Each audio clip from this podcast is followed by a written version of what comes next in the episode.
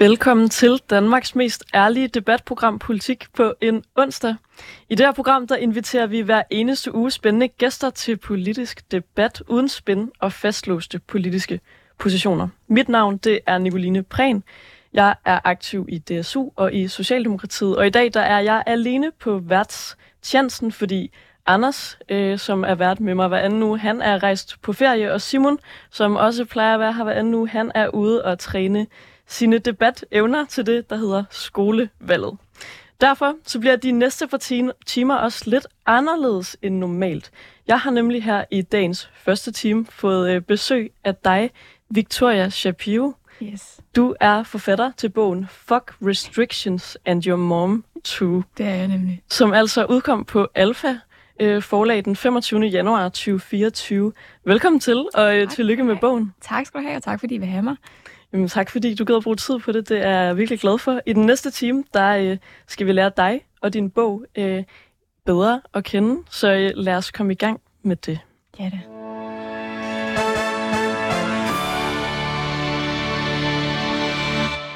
Du har altså, Victoria Shapiro, øh, netop skrevet den her bog, Fuck Restrictions and Your Mom Too, som er øh, udkommet og har fået rigtig meget omtale. Ja. Bogen, det er en øh, personlig fortælling om et liv med spiseforstyrrelse. Og jeg tænker, inden vi dykker mere ned i bogen, øh, så kunne det være meget fedt at høre, hvem du, Victoria, egentlig er. Man får øh, lidt et svar på en af de første sider i bogen, hvor du skriver, Hej, jeg er Victoria, en snæversynet, selvoptaget overfølsom, perfektionistisk narrøv, der oven i det hele lider af offermentalitet. Parentes, hvis min mor skulle sige det. Øhm, men øh, ud over den her beskrivelse, og udover lige at have skrevet den her bog, øh, hvem er du så, og øh, hvad laver du til hverdag? Ja, jeg hedder Victoria Shapiro. Jeg er 20 år gammel, og jeg kommer fra Smørmag. Øhm, lige nu der er jeg på mit andet sabbatår, og så øh, har jeg meget fokus på, at med bogen lige nu, øh, alt pressearbejde, og øh, jeg skal lige suge det hele til mig og, og lande oven på det hele. Øh, så det bruger jeg rigtig meget tid på lige nu. Ja, du er 20 år, ikke? Jeg er 20 år gammel, jo.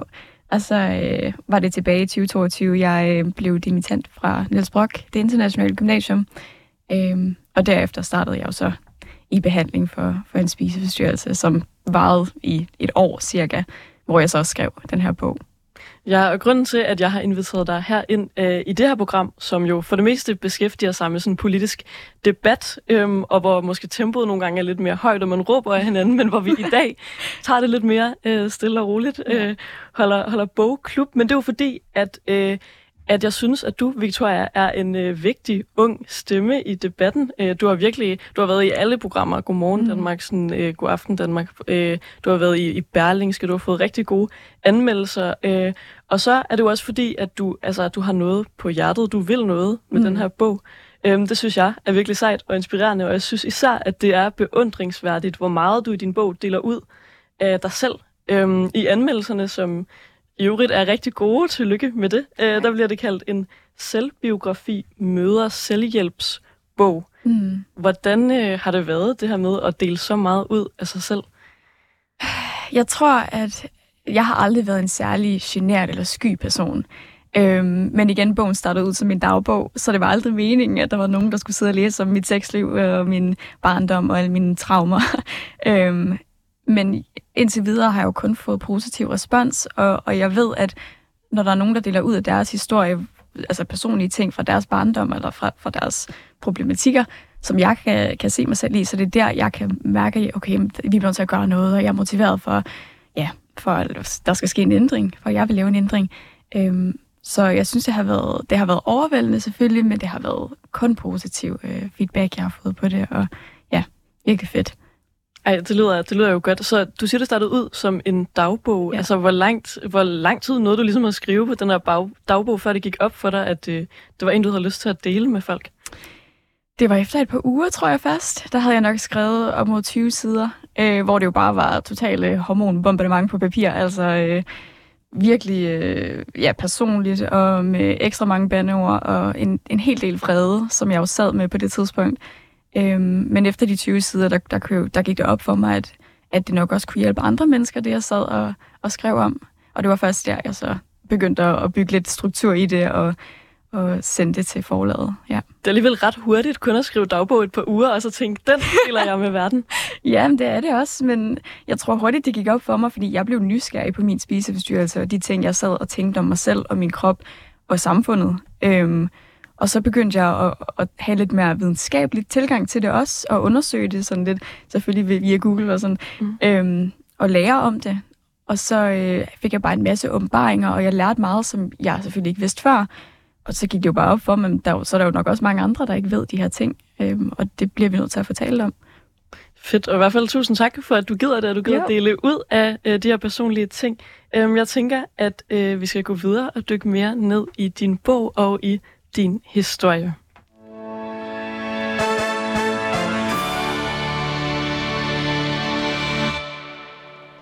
En af grundene til, at øh, jeg synes, det er vigtigt, at øh, vi tager den her samtale om din bog, øh, Victoria, det er jo også, at flere og flere danskere faktisk har en spiseforstyrrelse.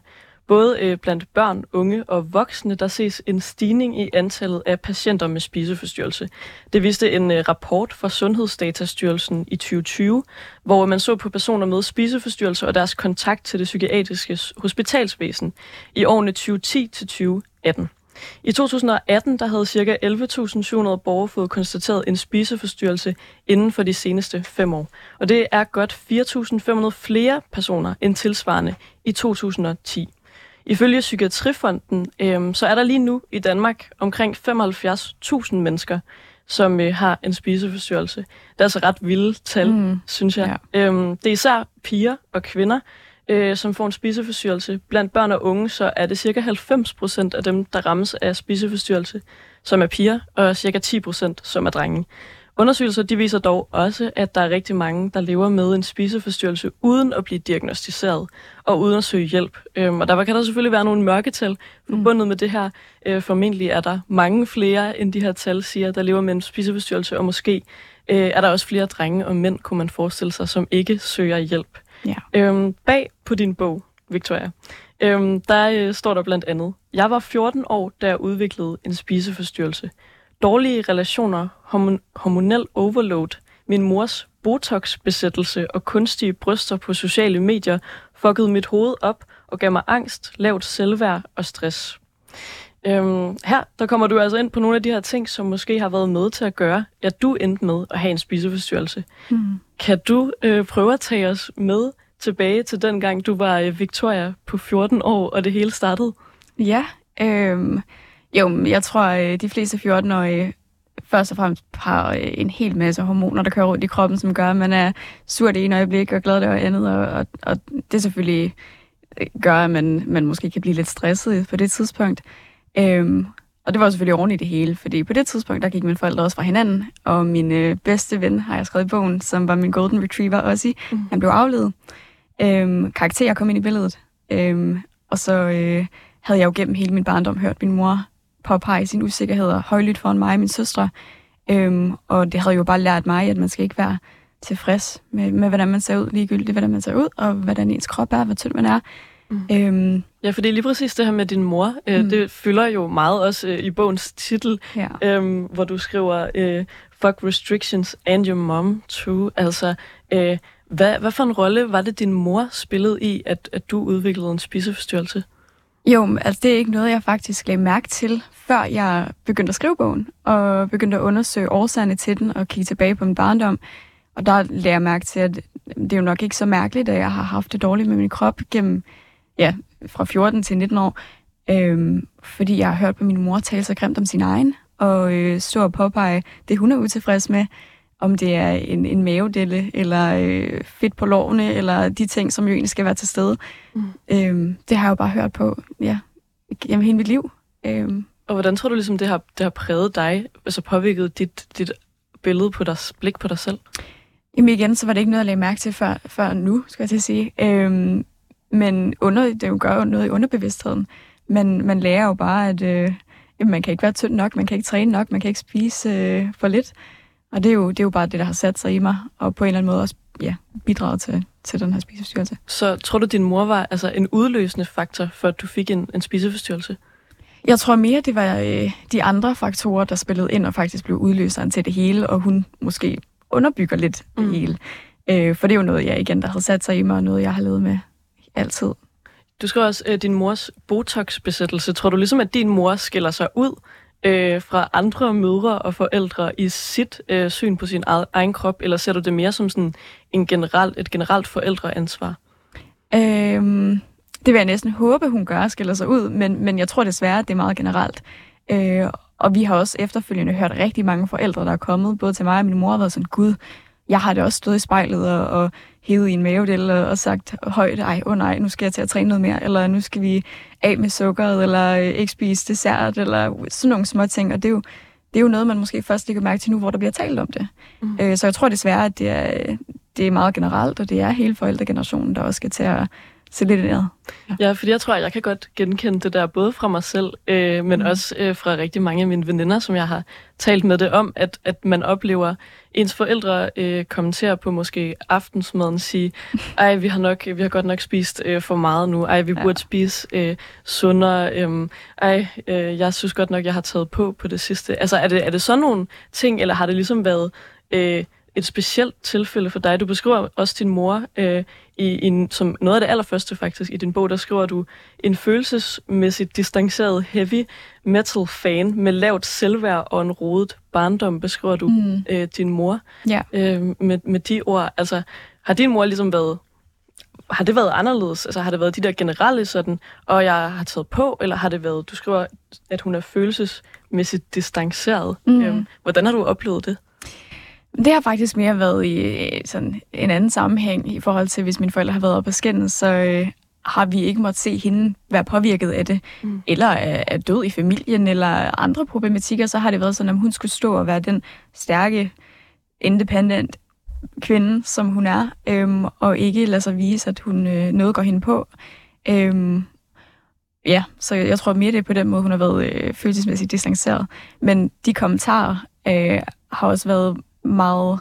Altså hun har jo sagt til mig og søstre, hvor smukke vi er, og øh, hvor kloge vi er, og vi er de bedste piger i hele verden, men, men hun kan stå og tale om sig selv på en helt anden måde. Mm. Øhm, og, og jeg tror mere, det er, det er de kommentarer, som hun hele tiden er kommet med. Jeg tror næsten, det har været dagligt, hun har sagt de kommentarer gennem hele vores barndom, som man selvfølgelig bider mærke i.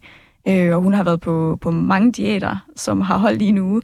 Mm. Øh, og i perioder har hun trænet rigtig meget, og så har der været lang tid, hvor hun ikke har, har rørt en finger, skulle jeg til at sige, hvor hun ikke har trænet.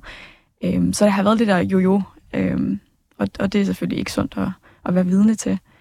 Så det du siger, er det, at forældre skal tage, og måske især mødre, et ansvar for, hvordan de taler om deres egen krop over for deres børn? 100 procent. Og, og det er jo ikke, fordi man ikke må have sine usikkerheder. Det, det er jeg sikker på, at alle har.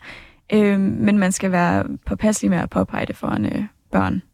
Ja, fordi det er jo ret interessant på en eller anden måde, hvordan man skal finde en balance i det, fordi mm. i, som jeg ser det i vores samfund, er der også sådan en øget, et øget sundhedsfokus. Der er også et problem med overvægt, samtidig ja. med, at der er flere, der, der, der oplever spiseforstyrrelse. Mm. Så på den måde giver det jo også mening, at folk prøver at fokusere på at leve et sundt liv, og måske også mm. i tale sætter det hjemme øh, med deres familie. Ja. Altså, øh, siger du, at man sådan helt skal lade være med at kommentere på krop og på sundhed over for sine børn? Overhovedet ikke. Som du siger, så er der jo øh, et problem med overvægt i Danmark, og, og det er jo klart, der skal være, man, man skal være aktiv, fordi det er sundt. Øh, man skal spise i godsøjne sundt, øh, fordi det er godt for kroppen, det er godt for hjertet, det er godt for, for, ja, for mm. mennesket. Øh, men jeg ser også på samme måde, at nu hvor vi har et sundhedsfokus i Danmark, at det bliver lidt kapitaliseret på. Altså de der... Øh, tusindvis af slankekurer, der, der bliver promoveret på de sociale medier, og bøger, der, der bliver udgivet omkring en ny fase eller øh, kur hver uge. Mm. Øhm, det gør det lidt sort-hvidt. Øh, og man ser på en ekstrem og, og oplever måske ikke den der balance, der skal være i det. Og nu hiver jeg i en anden ekstrem, for, for lige at få det tilbage på, midten, på midten, Ja, for du sagde også, inden øh, vi gik ind i studiet her, at det har fyldt øh, ret meget øh, det her med øh, din mors rolle, at det er det, der ligesom er blevet vinklet på, når der er blevet mm. skrevet artikler om dig og, og din bog, og du også har været i blandt andet Godmorgen Danmark med din mor. Mm. Hvordan har det været sådan, øh, den der konfrontation, altså at sige til sin mor, du øh, har været skyld i, at jeg har fået det dårligt? Til at starte med var det virkelig hårdt, øhm, fordi øh, hun er lidt, har været lidt rigid i sine holdninger til mad og krop, og jeg ved godt, hvordan hendes perfekte krop ser ud, for det har hun jo været meget højt omkring. Øhm, men det er ikke nødvendigvis den sunde krop, øh, den sunde kvindekrop. Øhm, så til at starte med var det svært at sige til hende, fordi der var ikke rigtig nogen, der lyttede i den anden ende. Øh, og der var ikke rigtig noget kommunikation, det var bare mig, der sad og måske blev lidt sur på hende, havde nogle vrede udbrud på hende. Og hvordan, altså var det dig, der sagde det i situationen, hvor hun for eksempel kommenterede sig selv i spejlet, at du så sagde stop med det der, eller har det ligesom været efterfølgende øhm, i din proces, øh, hvor du har fået det bedre, at du har, at du har sagt det til hende? Det har været under min behandling især. Mm. Øh, til at starte med, så kom jeg jo i psykoterapi, og jeg lærte, hvordan jeg bedre kunne kommunikere og sætte grænser. Og så øh, satte jeg nogle grænser over for min mor, på en hård måde til at starte med. Og det gør jo måske bare, at, at hun bygger lidt den der mur op, øh, men, men undervejs og her over det sidste år, der har vi virkelig lært at, at tale sammen, og hun har lyttet for en gang skyld, og, og vi har øh, ja, vi er kommet tættere på hinanden. Fordi har, har bogen, altså det, din mor går jeg ud fra, vel har læst din bog. Mm, øhm, det har. Ved du, om det har ført til sådan en selvrensagelse hos hende? Altså har hun fortrudt sin måde at, at opføre sig på over for dig? Ja, nu har vi haft nogle mange og lange samtaler omkring det her, øhm, og det, det er jeg sikker på, at hun har. Øh, men igen, der er ikke noget at gøre nu. Altså, sket er sket, gjort er gjort. Øh, jeg har haft en spiseforstyrrelse, jeg har bebrejdet hende for rigtig mange ting. Nu er det bare, at vi skal lære af det, og det er det, hun, hun har gjort her, efter at have læst bogen. For det har set, at I også har været meget i medierne sammen. Øhm, hvordan har det været sådan at tage hende med ind i det? Til at starte med var jeg meget nervøs for det, fordi hun er en meget privat person, og alting kunne godt komme lidt bag på hende. Mm. Øhm, men hun har været virkelig glad for, at hun har deltaget, fordi hun har også fået helt vildt meget positiv feedback, og som sagt, de forældre, der er kommet til hende og har sagt, om jeg kan se mig selv i det her, øh, og måske jeg burde ændre det, så, så føler hun jo også, at hun har også gjort noget godt, og det gør hun ved at, ved at tage med til, til interviews osv. Og hvis vi så lige vender tilbage til Victoria, der er 14 år og udvikler en spiseforstyrrelse, altså hvilken rolle spiller dine andre familiemedlemmer? Du har, to søstre og en far mm. også. Øhm, hvad, hvilken rolle spillede de, og hvornår ligesom opdagede de, at du havde fået det dårligt? Øh, altså til at starte med det, da jeg var 14, jeg plejer at sige, at det startede lidt i, i går så uskyldigt, mm. øhm, og, og det udviklede sig meget langsomt og gradvist. Øh, for til at starte med, jamen, så var det jo bare, at jeg meldte mig ind i et fitnesscenter, når så stillede jeg det spørgsmål til mine familiemedlemmer og min far også. Mm. Hvordan kan jeg så blive endnu sundere? Mm. Øhm, når du skal nok ikke tage sukker i teen. Mm. Okay, så øh, skal jeg det fra. Og derefter var det jo bare et spørgsmål om, hvordan kan jeg blive endnu sundere? Øh, hvidt brød er dårligt, set i medierne. Nå, så skal det væk. Øh, olie, øh, slik, dessert. Øh, så endte jeg jo kun med at spise 4-5 fødevarer. Øh, og det var efter et par år.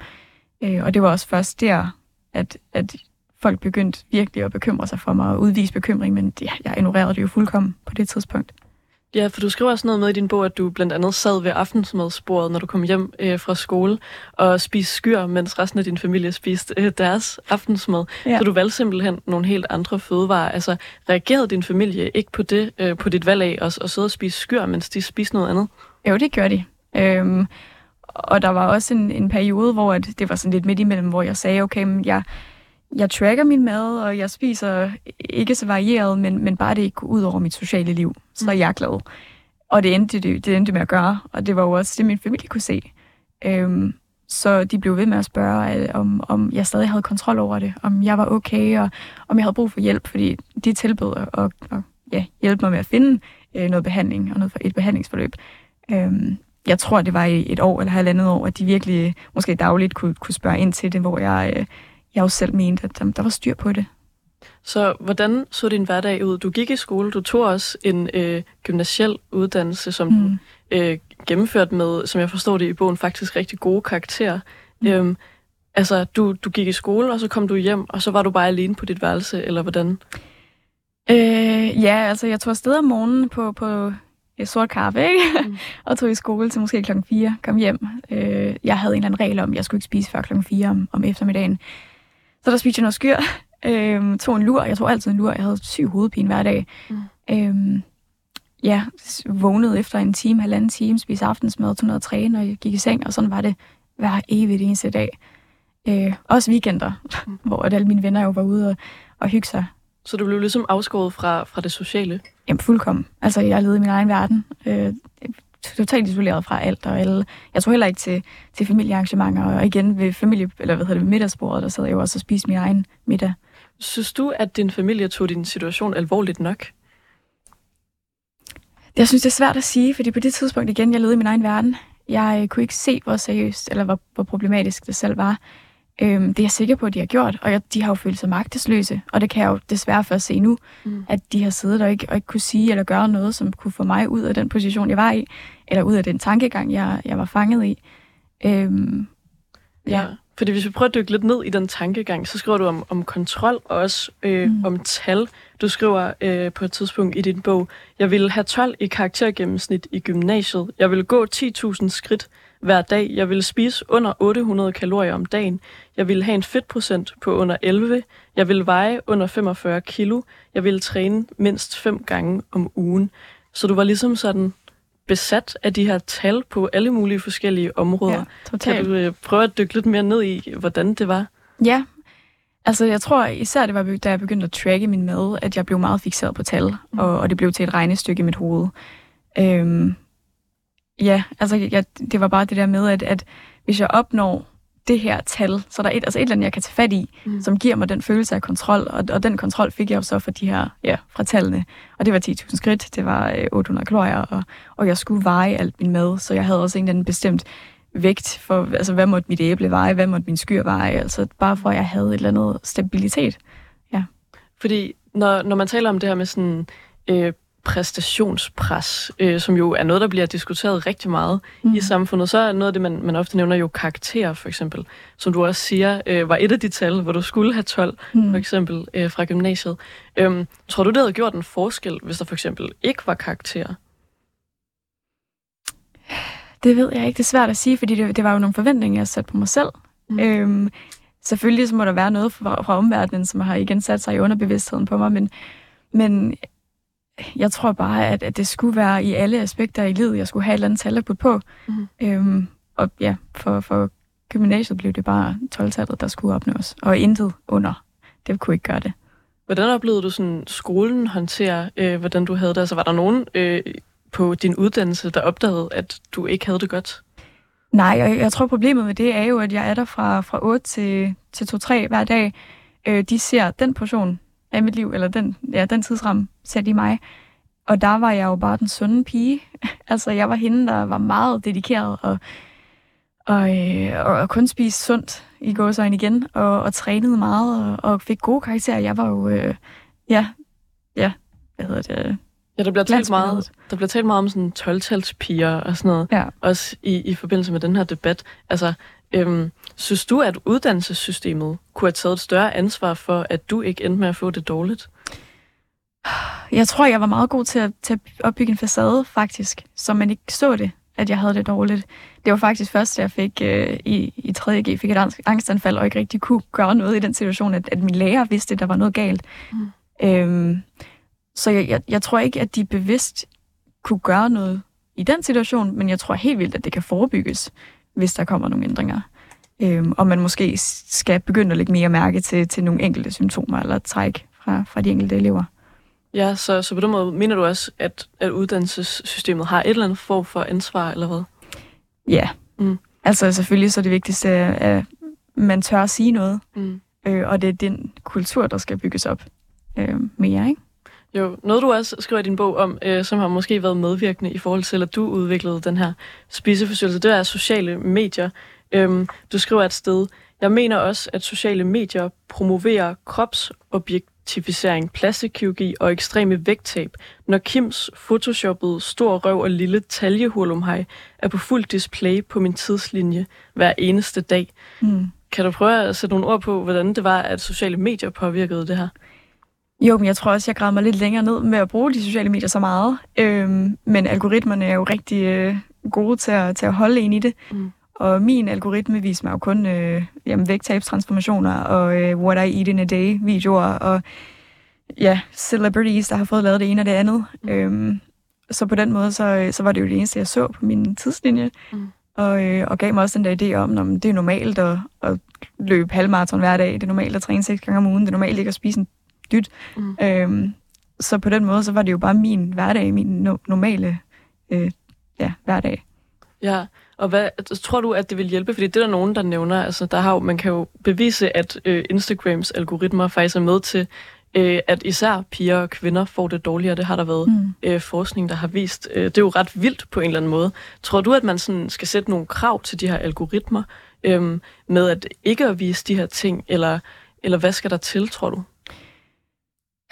Det er svært at sige. Selvfølgelig ville det være optimalt, hvis der kunne gøres noget ved det. Mm. Øh, men jeg har også et kapitel i bogen, der hedder Drøb offermentaliteten, hvor jeg siger, at, at når man selv indser, det kræver selvfølgelig en vis selvindsigt, men når man selv indser, at, at det her indhold på de sociale medier faktisk går ind på og, og påvirker ens kropsbillede, så må man prøve på en eller anden måde selv at fjerne sig fra det og ændre algoritmen.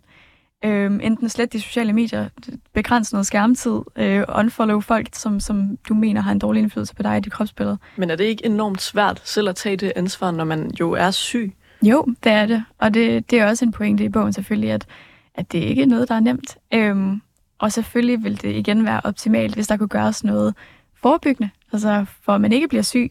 Mm. Øhm, men når man sidder den, der har det svært, så, så er det så nemt at pege fingre af alle andre, og det var det, jeg gjorde, og det er det, jeg håber, folk kan lære af, at det nytter ikke noget at pege fingre af sin mor eller de sociale medier, fordi det, ja, der er også noget, man selv kan gøre. Øhm, selvfølgelig så skal man have fået en vis hjælp, og have fået det måske lidt bedre, men, men det kræver også noget af en selv. Så du ender faktisk med, selvom titlen på din bog er, at man skal fucke restriktioner og sin mor, ja. så ender du faktisk med at sige, at det hovedsageligt er dit eget ansvar, at du fik det dårligt. Ja, fordi jeg har taget nogle bevidste valg, som også har ledt mig i den retning. Øhm, og det, det er vigtigt, at man, man anerkender det også.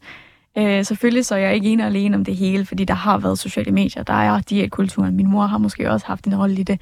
Øhm, men i sidste ende, så er det mig, der, der har taget et valg om at, om at træne seks gange om ugen, om ikke at spise noget. Ja. Men tror du ikke, at de valg er blevet påvirket af alt det, der har været rundt om dig? Jo, og til sidst kunne jeg også godt mærke, at det var spiseforstyrrelsen, der egentlig tog valgene for mig, og det er også derfor, det er så pissehammerende svært. Mm. Øhm, ja, jeg, jeg tror bare, det er, det, det er også noget, man, man bliver nødt til at anerkende, at gud, der er også noget, jeg selv kan gøre. Fordi er det på en måde ikke ret vildt at sige til folk, der måske lige nu sidder med en spiseforstyrrelse, sådan, du skal tage dig sammen, du skal holde styr på, mm. hvem følger du på sociale medier, øh, du skal lade være med at træne, selvom det er det, du har lyst til. Jo, og ja, det er selvfølgelig også småskridt. Altså, mm baby steps hver gang. Et, altså, man behøver ikke tage et eller andet øh, livsændrende valg om, nu skal jeg spise igen, og nu skal jeg bare tage 10 kilo på i løbet af øh, en måned, eller hvad, hvad man end, end mener, man skal gøre. Men bare de der små skridt, som kan lede ind i retning af selvbevidstheden og, og anerkendelsen af, at, at ja, der, der er flere faktorer, der har spillet med her. Mm. Fordi når man ser, øh, at der er flere og flere, som vi hørte fra tallene før, at, altså, som bliver ramt af en spiseforstyrrelse, mm. tror du så ikke, at det må handle om et eller andet, der er galt øh, i vores samfund, eller oh. i vores måde at være sammen på, og ikke på den måde være sådan et individansvar, fordi så vil der vel ikke være flere og flere, der fik det, så vil det vel være sådan statisk mm. på en eller anden måde. Jo, altså jeg mener mere, at det ansvar, man har selv, måske lidt påbegynder i behandlingen. Mm. Altså når man faktisk ved, at der er et problem selv. Øh, men jo, altså ansvaret ligger hos samfundet, mm. når det handler om at forebygge spiseforstyrrelsen øh, og, og begrænse antallet af, af unge mennesker, eller mennesker i det hele taget, der udvikler en spiseforstyrrelse, fordi der er det diætkulturen, der simpelthen bare har taget overhånd. Ja. Noget, øh, du skriver i bogen øh, et helt kapitel om, det er også dit øh, sexliv, øh, ja. mens du havde en spiseforstyrrelse, og sådan en sammenhæng mellem at udvikle en spiseforstyrrelse, og på en eller anden måde også at blive øh, voksen og opdage sin seksualitet. Øh, du skriver, hvis ingen synes, jeg er sexet, hvad er jeg så værd? Mm. Kan du prøve at sætte nogle ord på, sådan, øh, på på det? Hvorfor fyldte det så meget, altså seksualitet, i forbindelse med spiseforstyrrelsen? Jeg tror, det er fordi, at, at mit selvværd på det tidspunkt, jeg havde en anden idé om, at mit selvværd ville blive, altså ville forhøjes af, at, at folk så mig som smuk og mm. tynd nok og, og attraktiv. Mm. Og med folk, der mener jeg i hvert fald drengene, som jeg synes var interessante på det tidspunkt. Mm. Øhm, så, så jeg havde brug for, i hvert fald i starten af min spiseforstyrrelse, at få bekræftelse udefra, om det var mænd på de sociale medier eller drenge i min omgangskreds. Det var, øh, det, var det, jeg mente, min, mit selvværd afhang af. Mm. Og de skulle sige til mig, at jeg var smuk, og jeg skulle ja, præstere øh, på en eller anden måde for at, for at få den validering af dem. Ja, for jeg tror, som jeg ser det, at det er ret almindeligt øh, for dem, der har en spiseforstyrrelse, at der, der er en eller anden sammenhæng med seksualitet. Jeg ved ikke, om du kender Cecilie Lind, som er forfatter og har skrevet en bog, der hedder Pigedyr, øh, som også handler om sådan en pige, der bliver, der bliver voksen og ligesom mm. virkelig øh, higer efter mænds øh, begær af hendes krop, øh, og samtidig ligesom bare stopper med at, at spise.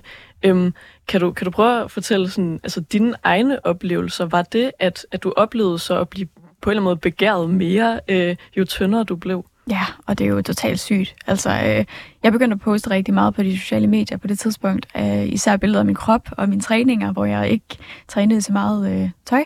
Mm. Øh, jeg begyndte jo bare at få flere og flere komplimenter, jo tyndere jeg blev. Totalt, øh, ja, forskroet. Mm. Øh, og det, det fodrer jo bare spiseforstyrrelsen, og der okay, du kan også gøre det endnu bedre, du kan også blive endnu tyndere, du kan også træne endnu mere, fordi så, øh, så kan folk lide dig, og, og mænd vil have dig. Altså, det var jo 100% den tankegang, der også holdt mig i det. Det er ret vildt, så på en eller anden måde er det også noget imens begær, øh, der har været skyld i, at du udviklede en spiseforstyrrelse. Mm, eller i hvert fald, jeg blev holdt i fast mm. i den, ikke? Ja. Jo. Og, og var det primært på de sociale medier, eller skete det også ude i virkeligheden? Det skete også i virkeligheden. Altså, jeg, jeg tror flere gange, jeg har hørt det der med, hvis jeg har haft sådan en situationship øh, med drengen, der har, der har taget sin hænder omkring min talje, og gud, hvor, jeg kan næsten nå rundt om din talje, hvor er det fedt, eller mm. Gud, hvor er du petit og lille, og sådan, de mener det jo som en god ting. Mm. Øhm, og det er jo også bare noget, men så skal jeg leve op til det fremadrettet også, så jeg skal beholde den her lille krop, jeg har. Ej, det er ret vildt, hvordan det har været med til at, til at påvirke det. Mm. Øhm, for det er jo også sådan, som jeg ser det på, på Instagram for eksempel, når folk lægger billeder op i bikini eller i undertøj eller sådan noget, så, så får det mange, meget mere sådan større reach, ja. end, end når folk har tøj på. Eller sådan. Det er helt vildt. Og det er jo bare ret vildt, hvordan på den måde så, at måske sådan seksualitet og begær spiller sammen med problemerne fra de sociale medier. Ja, jamen det er jo bare den der glorificering af, af tyndhed. Øh, og man, man, det er ligegyldigt, hvor, hvor dårligt man har det øh, bag billedet, skulle jeg til at sige. Øh, men bare man har den krop, så er man jo et godt menneske, så man, øh, har man succeslivet, og man, øh, vil, der er mange, der vil have en, og ja, mm. det er forskruet. Ja, fordi jeg ved heller ikke, om det kun er at være tynd, men generelt på de sociale medier, synes jeg, det er ret vildt. Øhm, jeg øh, bruger selv Instagram rigtig meget, både øh, sådan privat og personligt, og lægger mm. alt muligt op fra mit liv. Øh, sådan fra, alt fra fjollede billeder af mine venner til sådan vigtig politik, jeg laver, eller hvis jeg har skrevet et debatindlæg, eller mm. hvis jeg har sendt radio her, for eksempel. Øhm, men så i sommer, hvor jeg var øh, på sommerferie, så delte jeg faktisk et bikinibillede. Ja. Øhm, og normalt, jeg, jeg kan se sådan på min Instagram, øh, hvor, hvor langt jeg når ud, mm. fordi jeg har sådan den indstillet øh, til at være sådan, øh, som om jeg er en politisk øh, kandidat, fordi jeg har stillet op til, øh, til Folketinget på et tidspunkt. Og der kunne jeg faktisk se, at det ene bikini-billede, jeg lagde op, normalt så når mine posts på Instagram, de når ud til sådan noget øh, 4-5.000 mennesker, fordi jeg mm. har omkring 3.000 følgere. Øhm, og det her bikini-billede nåede ud til 200.000 oh. mennesker. ja, øhm, det viser meget godt, hvor, øh, hvor ægte det egentlig er. Ja, det synes jeg er virkelig vildt. Tror du, fordi det har jeg selv tænkt meget over. Altså, er det, er det Instagrams ansvar på en eller anden måde, at sådan nøgenhed og seksualitet og sådan noget, det bliver delt, eller tror du, at det i højere grad er altså, de mænd, der så på en eller anden måde søger efter det, måske også kvinder, men, men de mennesker, der i hvert fald begærer tingene, er det uundgåeligt? Altså, er det bare sådan et begær, der er i mennesket, eller er det de sociale medier? Jeg hader at sige, at det er et begær, der er i mennesket, fordi sådan, det kan altid ændres. Altså, der er ikke noget øh, biologisk, der spiller ind her, vil jeg sige. Øhm, jeg mener selvfølgelig, at det, det er et ansvar, som sociale medier har. Øhm, men jeg tror også bare, at det er sådan lidt et samfundssyn, der er lige nu. Altså, det, det er sådan, det er, det er så normalt. Øh, og det mener man er, en, en, øh, er et argument for, at det, det skal forblive sådan. Mm. Altså, men, men det er noget, vi skal have talt om, fordi det er et problem, og bare så, jo mere man taler om det, jo mere der bliver påpeget, at, at det er forkert, jamen, ja, forhåbentlig vil det, vil det stoppe, skulle jeg til at sige. Altså vil det blive begrænset i fremtiden. Ja, jeg tror i hvert fald sådan fra et politisk plan, at der er brug for, at man på en eller anden måde sætter nogle krav til mm. Instagram for eksempel, øhm, TikTok også. Altså, ja. at man øh, siger, at sådan, de her algoritmer, sådan, hvor at man bliver vist øh, mere og mere måske nøgenhed, eller mere og mere øh, altså, kvinder, der er enormt tynde. Øhm, mm. at, at man sætter nogle krav til det. Jeg ved ikke, på et tidspunkt, har, der er sådan en film, der hedder... Øh, Finspiration, tror jeg, øhm, som jeg øh, som jeg så, som handler om sådan piger, der finder sådan et fællesskab i at dele billeder på Instagram af, altså hvor tynde de er, sådan, ja. hvor man kan se knoglerne, for eksempel. Øhm, det synes jeg bare er ret vildt, og det, det, det var ligesom taget øh, ud af virkeligheden, at mm. det, er, det er sket. Jeg, jeg tror også, der er en ting med, med nøgenhed på de sociale medier. altså, man kan sagtens dele et bikini-billede, fordi man, man synes, man, altså, det er et flot billede, mm. øh, og ej, det skal mine venner se. Mm. Øhm, men, men jeg tror også, at der bliver nødt til at blive talt om, at, at det, der er på de sociale medier, bare ofte ikke afspiller virkeligheden. Mm. Øhm, og at man bliver bevidst om det, fordi det, det kan godt være, det er uundgåeligt at se de her nøgen, nøgenbilleder, skulle jeg sige, mm. øh, halvnøgenbilleder på de sociale medier, mm. øh, men bare ved, at det måske ikke er sådan, det er i virkeligheden. Og at det kan være filtreret. Der kan mm. være, man, man kan stå i det rigtige lys, man kan stå på den rigtige måde. Øhm, og jo mere man er bevidst om, at, eller i hvert fald siger til sig selv, okay, det kan godt være, at det faktisk er lidt øh, smukseret, mm. så, så tror jeg også, at det, det måske ikke påvirker en på samme måde. Men, men hvis ansvar er det så? Er det, altså, er det forældrene, der skal have de samtaler med deres børn? Eller er det venner imellem? Eller er det i uddannelsessystemet? Eller hvor skal man på en eller anden måde altså, få det printet nok ind i hovedet til, at, at det rent faktisk virker? På de sociale medier, igen. Altså, øh, der bliver igen, der er flere og flere konti, som, som har det her autentiske indhold, mm. hvor man ser, okay, hun, øh, hun havde et rigtig flot billede, men så postede de også alle de andre billeder, der blev taget, som måske ikke er så perfekte, eller hvad det nu skulle være. Øhm, men på sociale medier kan man finde det, den, de slags fællesskab, hedder det. Mm. Øhm, og så mener jeg også, at, at man skulle blive uddannet omkring det. Mm. Øh, helt fra folkeskolen af. Folk har sociale medier fra de er meget, meget unge. Mm. Øhm, så, så jeg synes også, det er nødvendigt, at alle hører om, øh, om de negative sider af det. Og nu, hvor vi også øh, har været lidt inde på det der med seksualitet, og hvordan øh, mens begær var med til måske at presse dig til at på en eller anden måde have lyst til at se øh, endnu tyndere ud, øh, så skriver du også noget om, sådan, hvordan spiseforstyrrelsen påvirkede dit sexliv. Mm. Øhm, har du lyst til at øh, sætte nogle ord på det? Ja, og det, det var igen ikke noget, som jeg opdagede før jeg kom i behandling og, og skrev bogen og, og undersøgte det, fordi det er jo også en, en videnskabelig del af det. Mm. Øhm, Jamen, jeg lærte, at, at jo mere fedt man taber på kroppen, jo mere vil kroppen gå i sådan alarmberedskab. Mm.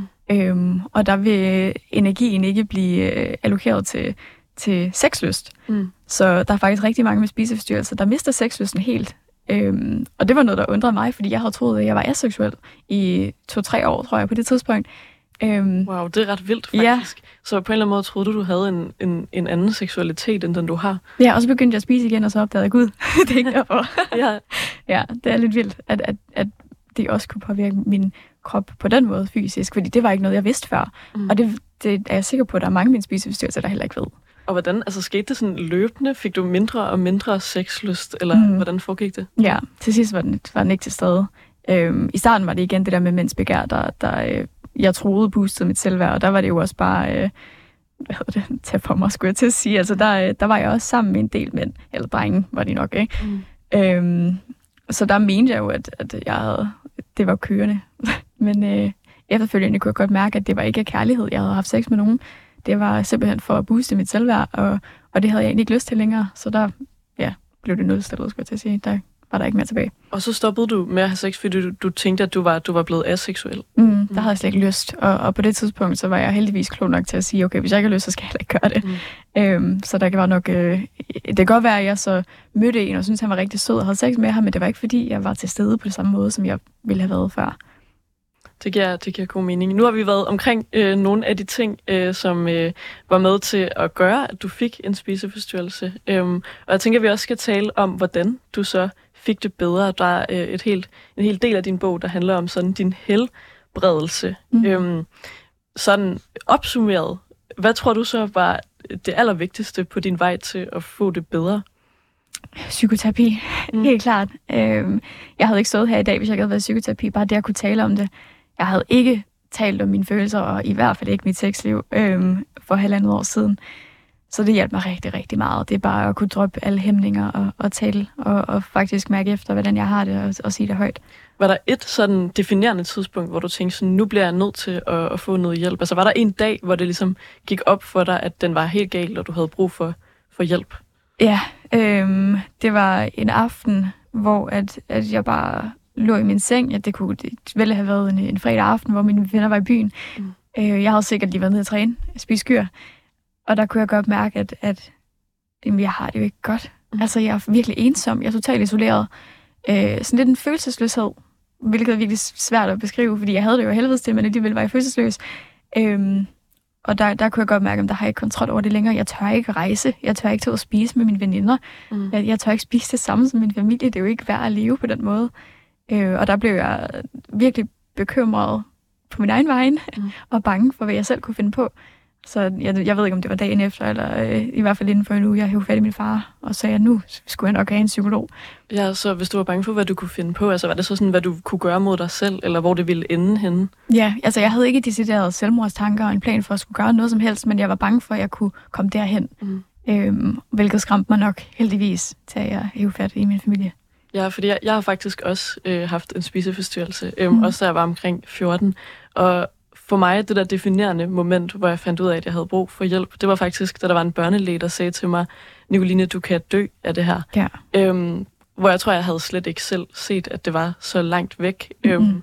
eller så langt ude på en eller anden måde, at sådan, jeg havde brug for, tror jeg, et andet menneske til at sige, det her, det er virkelig farligt for dig. Ja. Øhm, men, men var det for dig, der var det ligesom dig selv, der på en eller anden måde kom til sådan en erkendelse af, sådan, jeg lever et helt andet liv, end mine veninder gør, eller... Ja, altså jeg var jo lige blevet student, øhm, havde fået hue på, og øh, tog faktisk til New York med, med min mor i en uge, mm. hvor jeg endte med efter 24 timer og, øh, at gennempløje alle supermarkeder for en køkkenvægt og et skærebræt, fordi jeg kunne simpelthen ikke, ikke jeg, jeg skulle tracke min mad, jeg kunne ikke være i det. Øhm, og det var også efter den tur, jeg slettede den app, øh, jeg havde brugt til at track min mad med. Så bare de ting, altså jeg havde drømt om at være i New York hele mit liv, og jeg havde drømt om at blive student og, og rejse, og det kunne jeg bare ikke. Og det var, det indså jeg selv til sidst, at det var, det var ikke øh, det værd at fortsætte sådan. Og hvad skete der så, efter du ligesom havde, havde indset det? Var det så, altså så fortalte du det så til dine forældre, eller øh, tog du fat i en psykoterapeut på det her tidspunkt, eller hvad var, sådan, hvad var steppet efter det? Jeg havde fat i min far. Øh, han havde jo plantet små frø i, min, i mit hoved om, at, at jeg kunne få hjælp, mm. heldigvis, og han ville tilbyde at hjælpe med det. Øh, så jeg havde fat i min far, jeg tror det var på en køretur, øh, og sagde, at sådan meget stille og roligt, det kunne godt være, at, at det var smart med noget, med noget hjælp på en psykolog alligevel, ikke? Mm. Og han var heldigvis også meget stille og roligt omkring det, og sagde, okay, men så kontakter vi en, øh, og, og får det sat, sat sammen, og det gør vi hurtigt. Og hvordan var det? Fordi jeg tror, jeg, mine forældre prøvede virkelig også at få mig til mm. at, at tage til psykolog, og det ville jeg faktisk ikke. Øhm, så jeg endte med at, at gå til en børnelæge, og heldigvis fik jeg det også øh, bedre øh, og har det godt øh, nu. Men, øh, men, men jeg ville ikke, jeg ville simpelthen ikke, jeg havde slet ikke, jeg tror ikke, jeg turde på en eller anden mm. måde at dele ud af sådan de tanker, fordi jeg synes, det var så privat, det der sådan kontrol, jeg havde i hjernen ja. over ikke at, at spise. Mm. Øh, hvordan, hvordan turde du gøre det, eller sådan, hvad fik dig til at, at ville mødes med en psykoterapeut og, og åbne op? Jamen, jeg tror, at til at starte med, så, så vidste jeg godt bare, at okay, der er et faktum, at jeg har brug for hjælp. Øh, det er det, jeg tager fat i. Mm. Jeg, jeg gik stadig ind i psykoterapi med en eller anden idé om, at nu skal jeg ikke græde foran hende, eller øh, nu skal jeg ikke sige det her, fordi hun vil tro, jeg er virkelig ude skide, ikke? Mm. Øhm, så, så jeg havde de hæmninger, da jeg tog til psykoterapi. Det var egentlig bare steppet om at, at sige, at jeg har brug for hjælp, og nu gør jeg det. Men, men øh, ja, de hæmninger heldigvis hen ad vejen, som man jo også kan læse om i bogen, det, de øh, forsvandt. Mm. Øhm, heldigvis med, med hjælpen fra min psykoterapeut. Og hvad er, sådan, hvad er dit bedste tip, hvis nu der er nogen, der lytter med, som har en spiseforstyrrelse, eller som mm. måske efter at have hørt din historie, eller læst din historie i bogen, måske kan tænke, at det kan være, at jeg også har nogle af de her udfordringer. Hvad er sådan dit bedste tip til dem? Jamen, søg hjælp. Mm. Altså, punktum. 100% søg hjælp. Og hvordan, hvordan gør man lige det? Er, det? er det at tage fat i nogen, man stoler på, og tale med dem? Eller? Ja, altså mm. det behøver ikke være direkte til en, en psykolog, eller direkte til en læge. Øhm, jo, selvfølgelig kan du konsultere med din egen læge, men jeg kan godt se det for, for mange, at det er en, en svær grænse at passere. Øh, en søster, en bror, en, en mor, en far, en lærer, en veninde. Tal, med, tal om det til en eller anden, du, du stoler på, og så tag den derfra. Men bare sig det højt. Fordi nogle gange kan det måske være svært at sige højt, måske også fordi man ikke ved det selv, at man har en spiseforstyrrelse. Mm. Altså tror du, altså hvis du helt fra starten, øh, at jeg har en spiseforstyrrelse, og øh, det er det her, og det, nu er det sådan, og så på et tidspunkt gik det så op for dig, at du havde brug for hjælp, eller, eller skulle det først gå op for dig, at du faktisk havde en spiseforstyrrelse? Det, det gik ikke engang op for mig, før jeg, altså, jeg kaldte det ikke en spiseforstyrrelse, da jeg startede behandling. Der var det bare en pestilens. Mm. Der var det spiseproblemer, kaldte jeg det. Mm. Det var først min psykoterapeut, der sagde til mig, altså, om din spiseforstyrrelse gør det her, og det er den, der, der siger det her, og mm. sådan, gud, det er en spiseforstyrrelse. øhm, så bare anerkendelse af, at jeg har det dårligt mm. først og fremmest. Ikke at det er en spiseforstyrrelse, men at jeg ikke har det godt. Mm. Øhm, det, det er den, man skal, man skal nå. Øhm, ja, og måske også spørge sig selv, sådan, det var i hvert fald det, min, min psykoterapeut spurgte mig om den første samtale, mm. sådan, om fem år. Ja. Hvad drømmer du om? Og har, altså, hvor ser du dig selv om fem år? Hvad har du drømt om? Mm. Når jeg, jeg nævnte, at jeg vil rejse, og jeg vil studere i USA, og så sådan, okay, prøv at stoppe der. Mm. Kan du det, hvis du træner seks gange om ugen og ikke spiser noget som helst? Gud, mm. nej, det kan jeg ikke. Og det var også noget, der virkelig, øh, det var en losing, men noget, der også gjorde, at, at, jeg, øh, at jeg blev motiveret til faktisk at få det bedre der. Ja, det giver, det giver god mening. Noget, du er så inde på i forhold til sådan, øh, hele det her med, hvad der er skyld i spiseforstyrrelse, og hvordan vi på en eller anden måde kan have færre mennesker i fremtiden, der får en spiseforstyrrelse. Det, det der med fuck diætkulturen. Mm. At folk går på diæter hele tiden. Altså, hvordan, hvordan får man ændret det? Fordi det virker som at være en sådan ret stor, sådan, jeg ved ikke, trend eller tendens i samfundet, at folk godt vil, vil leve sundt og derfor gå på en diæt. Eller sådan. Altså, hvad, hvad tror du, der skal til? Det er på en eller anden måde en sådan helt samfunds ja. i måden at tænke sundhed på? Eller? Jamen, 100 procent. Jeg tror igen bare, det er den der øh, balance, der mangler. Og det er så nemt at sige, det er så svært i praktisk at, at opnå balance. Men en diæt, altså en juicekur, hvad, hvad fanden skulle jeg så spørge om? Mm-hmm. Øhm, prøv lige at, at tage et skridt ad gangen, og måske se det som en, en livsstilsændring. Altså, mm. hvis du gerne vil tabe dig, hvis du, eller hvis du gerne vil tabe dig for at være sundere, altså for, for at optimere dit helbred, fair nok, der, der har jeg ikke mere at sige. Det er bare at, mm. at gøre det ikke på Forvent ikke, du kan gøre det på to uger, og så være øh, din bedste udgave af dig selv. Mm. Bare prøv at, at tage det lidt langsommere og se, okay, hvad kan jeg egentlig gøre i hverdagen, som, som får mig til at få det bedre, og, og ja, forbedre mit helbred. Øh, fordi det er det, det vedvarende, som man faktisk kan tage med sig resten af livet. Mm. Ikke den der to ugers kur, som øh, man mener vil, vil gøre livet perfekt. Ja, fordi jeg tror, jeg tænker ofte over, sådan, både i forhold til spiseforstyrrelse, men jo også generelt, at der er flere og flere unge, der har øh, udfordringer med det mentale helbred. Der er også flere, der bliver ramt af angst og mm. stress og depression. Altså, øhm, hvad er sådan den primære udløsende faktor? Du, du taler jo både om din mor, men du taler også meget om at have et selvansvar. Øhm, så har vi været lidt inde på det her med sådan uddannelsessystemet, øh, mm. og med sådan, hvilke samtaler man måske har med sine venner og sin familie. Øhm, hvad, hvad tror du, hvorfor øh, har vores generation det mere dårligt end generationerne før os? Vi skal til os, altså alting skal gå så hurtigt. Mm. Og der er så mange ting, man skal tænke på hele tiden at, at forholde sig til. Øhm, så jeg tror primært, at det er det, der, der, der bare er så mange forventninger. Og man har mange forventninger til sig selv i forvejen. Og så kommer omverdenen og, og fortæller dig om, at du skal have de gode karakterer, du skal have den perfekte karriere, den perfekte krop, du skal øh, tjene så mange penge, du skal have så mange børn, du skal leve her, du skal altså, mm. det, der er bare så mange ting, man skal tænke på hele tiden. Ja, fordi det synes jeg også, at jeg oplever, at rigtig mange af mine venner siger, at, at det oplever de, men tror du, at der er flere forventninger til vores generation, end der har været til, til generationerne før? For at være ærlig, ja. Mm. Øhm, for det belaster, og det kan man se på tallene. Mm. Øh, så det mener jeg helt klart, der er. Der er, der, ja, det... Ja, fordi det er på en måde ret vildt, at vores generation jo nok er en af de sådan, rigeste, øh, økonomisk rigeste mm. generationer, der nogensinde har været, og man skulle tro, at vi var sådan privilegerede og øh, du ved, havde alle muligheder for at leve et godt liv. Vi kan rejse og mm. gøre alt muligt. Vi kan også have kontakt til hinanden på vores øh, sådan digitale enheder og sådan yeah. noget. Men sådan alligevel, så, så har vi det bare dårligt. Altså, jeg, jeg synes virkelig, jeg sådan grubler tit over det, der er mange, der gør i den offentlige debat. Sådan, mm. Hvorfor er det, vi har det dårligt? Altså, øhm, hvis du skulle vælge mellem sådan... Øhm, måske et presset uddannelsessystem og sociale medier, øh, familien. Hvad, hvad tror du så er sådan den allerstørste årsag? Øhm, sociale medier. Ja. Helt klart. Og især fordi det ikke var det, der var til stede i de andre generationer. Ja. Øhm, så meget som det er i dag. Øh, og hvis man kan se, okay, vi har det så forfærdeligt, som vi har det, mm. øh, og det er, er den store ændring, der er sket i samfundet, så må det være det, der, der gør et eller andet. Og det er jo hver dag, at man sidder, altså man kan sidde på telefonen i 10 timer. Mm og, øh, og se det samme indhold. Ja, det er så vildt, og det viser sådan, når man laver undersøgelser på det, så viser det jo altså, at der er rigtig mange unge i Danmark, der bruger rigtig mange timer, altså jeg tror, det er sådan noget mellem 5 og 8 timer ja. på, på, på telefonen, på TikTok og Instagram og sådan noget. Ja. Det er helt vildt. Men, men hvad tror du, der skal til for så at flytte? Fordi skal vi flyttes ud af de sociale medier, eller skal de sociale medier ændres? Vi skal bruge det til noget andet. Mm. Øhm, fordi ja, der er meget lort på de sociale medier. Mm. Og der er mange kroppe, man gerne vil, vil, gerne vil kigge på, og en krop, man gerne vil opnå. Og der er så, så mange holdninger, der bliver smidt rundt. Øhm, men der er også mange fællesskaber, som gør en glad. Kan gøre en glad, hvis mm. man vælger at følge dem. Øhm, altså, man, man kan møde fantastiske mennesker på de sociale medier. Man kan få venner. Mm. Man hører selvfølgelig også nyheder og bliver opdateret, bliver klogere. Man kan lære sig selv rigtig mange ting. Og det er det, vi skal lære at bruge de sociale medier til. Mm. Jeg, jeg, jeg må også indrømme, jeg har et ret sådan splittet forhold til for eksempel Instagram. Jeg mm. elsker at se, følge med i mine venners hverdag, øh, og jeg elsker også at dele selv, og at, at mine venner har mulighed for at følge med i, hvad jeg laver, øhm, og kan se for eksempel, at jeg snakker med dig lige nu, øh, mm. og så når jeg ser dem, så kan de spørge ind til det, eller sådan, det synes jeg, der er vildt dejligt. Yeah. Men samtidig kan jeg også godt mærke, at man bliver jo presset af at se, altså hvordan har du selv håndteret det? Bruger du Instagram for eksempel mindre, end da du øh, havde en spiseforstyrrelse og brugte det til at se, se træningsvideoer og, og meget tynde mennesker?